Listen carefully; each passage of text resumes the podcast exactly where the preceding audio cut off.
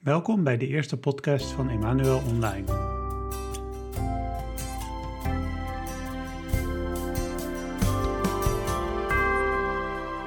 We leven in een bijzondere tijd waarop er een hoop onrust om ons heen is.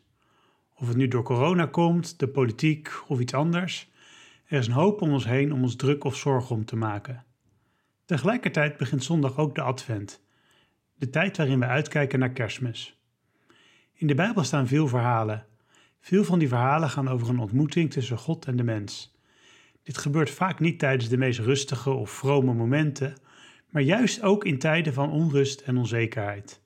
En daarin verschilt het misschien eigenlijk niet zo heel veel van ons eigen leven. Met deze podcast bieden we je de kans om een momentje uit alle drukte te ontsnappen en zo naar kerstmis toe te leven. Gedurende de afleveringen zullen we aan de hand van korte Bijbelteksten horen hoe God met ons op weg gaat. Daarnaast zullen er korte getuigenissen zijn om ook te kunnen zien wat dit concreet hier en nu in ons leven kan betekenen. Afgewisseld met mooie muziek is dit een fijne manier om een momentje rust te pakken gedurende de dag.